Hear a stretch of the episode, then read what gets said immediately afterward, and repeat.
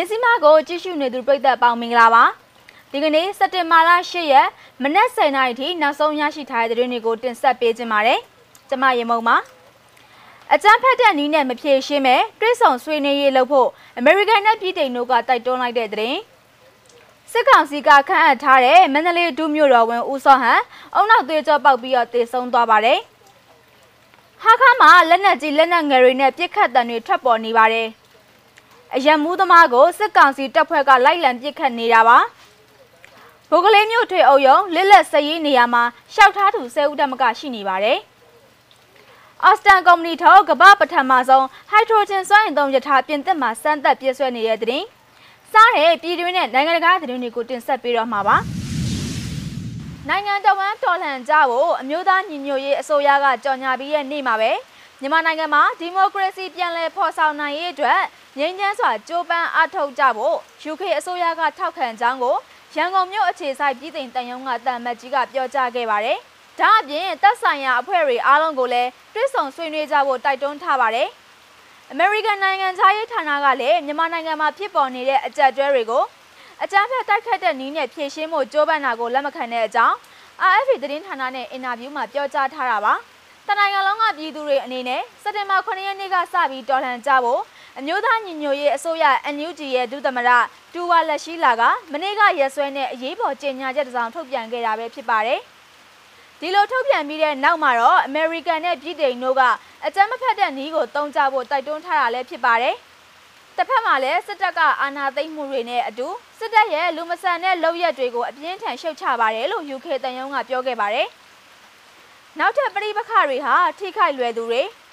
COVID-19 ဆိုင်ရာကျန်းမာရေးစောင့်ရှောက်မှုနဲ့လူသားချင်းစာနာထောက်ထားမှုဆိုင်ရာအကူအညီပေးရတော့အပေါ်ထိခိုက်နစ်နာစေပါလိမ့်မယ်လို့ UK ကတတိပေးထားပါတယ်ရှင်။အကြမ်းဖက်စစ်ကောင်စီကခန့်အပ်ထားတဲ့မန္တလေးဒုမြို့တော်ဝင်ဦးစောဟန်ဟာဒီကနေ့မနက်ပိုင်းမှာအုံနောက်သွေးကြောပေါက်ပြီးတေဆုံးသွားတယ်လို့ခေတ်သစ်မီဒီယာရဲ့သတင်းတရက်အရသိရပါတယ်။မကြခင်ရက်ပိုင်းအတွင်းကအုံနောက်သွေးကြောပေါက်ပြီးတော့ မန္တလေးမင်္ဂလာဆေးရုံမှာအရေးပေါ်စေကူတာမှုခံယူခဲ့ရကနေနောက်ဆုံးကွယ်လွန်သွားခဲ့တာပါအကြမ်းဖက်စစ်ကောင်စီကဦးစောဟန်ကိုမန္တလေးဒုတိယမြို့တော်ဝန်အဖြစ်ဖေဖော်ဝါရီလ17ရက်နေ့မှာခန့်အပ်ခဲ့တာပါအခုသူ့အိမ်မှာနာရေးပြင်နေပြီးသူ့အိမ်ကပြည်ကြီးတကွန်စလိန်ရက်ွက်54 55ကြားအိတုခလမ်းမှာရှိတာပါသူမဆုံးခင်ကလည်းသူ့အိမ်ကိုဘုံပစ်ခံရတာရှိခဲ့ဘူးတယ်သူဆုံးတာကအုံနောက်သွေးကြောပေါက်တာလားပိတ်တာလားမသိဘူး သွေးသွင်းနဲ့လည်းဆက်ဆက်နေတယ်လို့ဒေသခံတဦးကပြောပါတယ်။ NUG ကနိုင်ငံတော်အရေးပေါ်အခြေအနေကြေညာပြီးတဲ့နောက်မှာတော့မနေ့ကည9နာရီဝန်းကျင်လောက်ကချင်းပြည်နယ်ဟာခါမြို့မှာစစ်ကောင်စီတပ်တွေနဲ့ CDF အဖွဲ့တို့နှစ်ဖက်ပစ်ခတ်မှုတွေဖြစ်ပွားနေပြီးတော့ဟာခါမြို့ပေါ်ချင်းဦးစီးရက်ကွက်ပြည်내အစိုးရအဖွဲ့ရုံးအနီး ရုံးတောင်အနီးနားတဝိုင်းနဲ့ကြောပုတ်အနီးနားမှာပြစ်ခတ်တံတွေကြားနေရတယ်လို့ဒေသခံတွေစီကသိရပါဗျ။လက်ရှိသတင်းတွေအရလက်နက်ကြီးကြီးထိမှန်လို့နေအိမ်မှာပြည်သူတအုပ်ဆုံးသွားပြီလို့လည်းသိရပြီးတော့အသေးစိတ်ကိုတော့မြစ်စီမကစုံစမ်းနေဆဲပဲဖြစ်ပါတယ်ရှင်။အေယာရီတိုင်းပသိမ်မျိုးအမှတ်9ရက်ကွက်ပသိမ်တစ်ဖက်ကန်းကတရားအသစ်အောက်မှာစက်တင်ဘာလ9ရက်နေ့ည8နာရီမိနစ်40အချိန်လောက်ကလုံခြုံရေးဆောင်နေတဲ့ရဲတွေနဲ့အကြမ်းဖက်စစ်ကောင်စီတပ်တွေဟာ အရန်မူးနေသူတအုပ်ကသူတို့ကိုဆဲဆိုပြီးပြေးလို့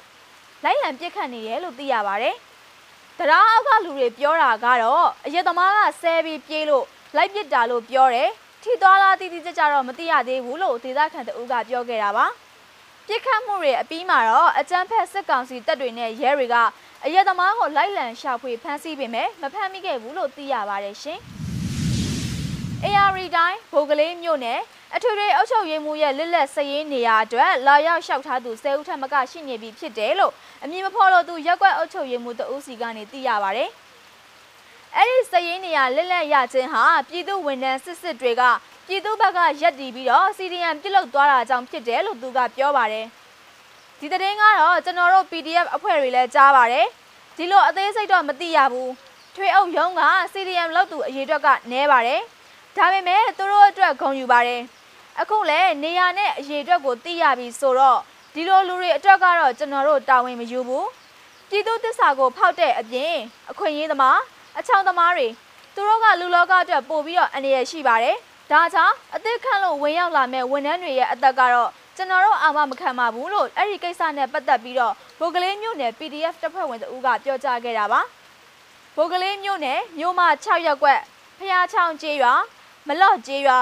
ကျွန်းညိုကြီးကျေးရွာခနောင်ကျေးရွာနဲ့ရေကျော်တိုးကျေးရွာတို့ကနေရာခုနှစ်ခုမှာအုပ်ချုပ်ရေးစည်ရေးနေရာတွေလစ်လက်နေတယ်လို့ရက်ကွက်အုပ်ချုပ်ရေးမှူးစီကနေပြီးတော့သိရတာပါအော်စတန်ကုမ္ပဏီထုံးကမ္ဘာပထမဆုံးဟိုက်ဒရိုဂျင်စွမ်းအင်သုံးရထားပြင်သစ်မှာစမ်းသပ်ပြေးဆွဲနေတဲ့ဗီဒီယိုဖိုင်ကိုလည်းကြည့်ရအောင်ပါ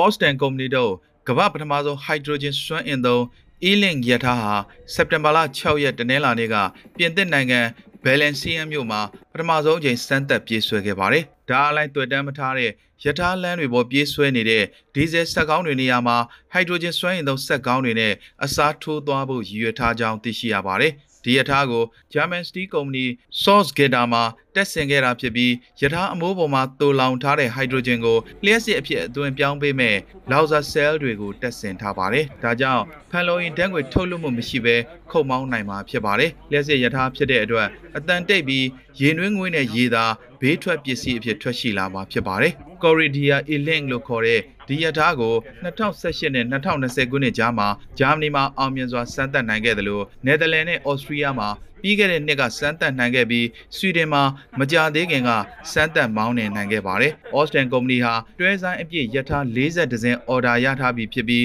2022ခုနှစ်အစပိုင်းမှာအမြောက်အများထုတ်လုပ်ရောင်းချသွားမှာဖြစ်ပါတယ်။ပို့ဆောင်ရေးဝန်ကြီး Yan Baptist Jabari ကအခုလိုပြောကြားခဲ့ပါတယ်။ Alors c'est une solution d'avenir pour une bonne raison, c'est que vous le savez, notre réseau ferroviaire aujourd'hui ဟိုက်ဒရိုဂျင်စွမ်းအင်သုံးယထာဟာအနာဂတ်တည်ယူပို့ဆောင်ရေးအတွက်အဖြေတစ်ခုပဲဒီနိုင်ငံရဲ့ယထာလန်ကွန်ရက်မှာ45ရာခိုင်နှုန်းကလျှက်စစ်သွဲတမ်းမထားတဲ့ယထာလန်တွေပါဒီတော့ကျွန်တော်တို့လှုပ်ဆောင်သွားမယ့်အပိုင်းနှစ်ပိုင်းရှိလာပါတယ်တစ်ပိုင်းကလျှက်စစ်ကြိုးသွဲတမ်းပြီးပြေးဆွဲဖို့ဒါကကုန်ကျစရိတ်များတယ်နောက်တစ်ပိုင်းကဘက်ထရီလျှက်စစ်သုံးပြီးပြေးဆွဲဖို့အထူးသဖြင့် local ယထာတွေမှာပေါ့ ဒါမှမဟုတ်ရင်ဘက်ထရီလျှက်စစ်နဲ့ဟိုက်ဒရိုဂျင်စွမ်းအင်ကိုနှစ်မျိုးဆက်သုံးဖို့ဒါမှမဟုတ်ဟိုက်ဒရိုဂျင်စွမ်းအင်ကိုပဲအားပြုပြေးဆွဲဖို့ပါ ပြင်သစ်မှာလျှက်စစ်ကြိုးသွဲတမ်းမထားတဲ့ယထာလန်45ရာခိုင်နှုန်းရှိတဲ့အတွက်ဟိုက်ဒရိုဂျင်စွမ်းအင်မှာအနာဂတ်ရှိတယ်ပြီးရင်ကမ္ဘာဈေးကွက်ဖြစ်တဲ့ဥရောပဈေးကွက်ကိုကြဲကြဲပြန့်ပြန့်ထိုးဖောက်လို့ရမယ်ပြင်သစ်မှာစက်မှုကဏ္ဍအတွက်လစာကောင်းတဲ့အလုပ်တွေရှိတယ်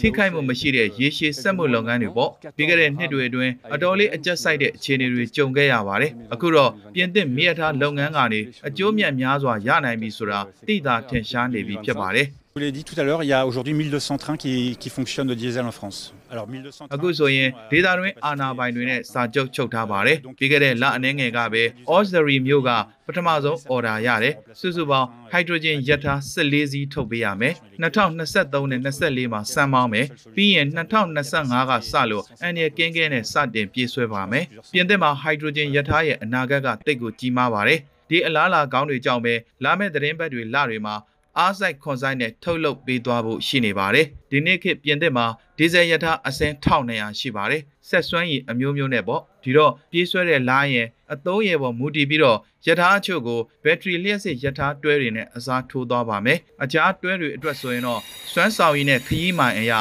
ဟိုက်ဒရိုဂျင်စွမ်းအင်ကသာတခုတည်းသောအဖြစ်ဖြစ်ပါတယ်။နောက်ဆိုပြင်သစ်နိုင်ငံတော်ဝန်မှာဟိုက်ဒရိုဂျင်စွမ်းအင်သုံးရထားတွေကိုအမြောက်အများတွေ့လာရတော့မှာဖြစ်တယ်လို့သူကဆိုပါတယ်။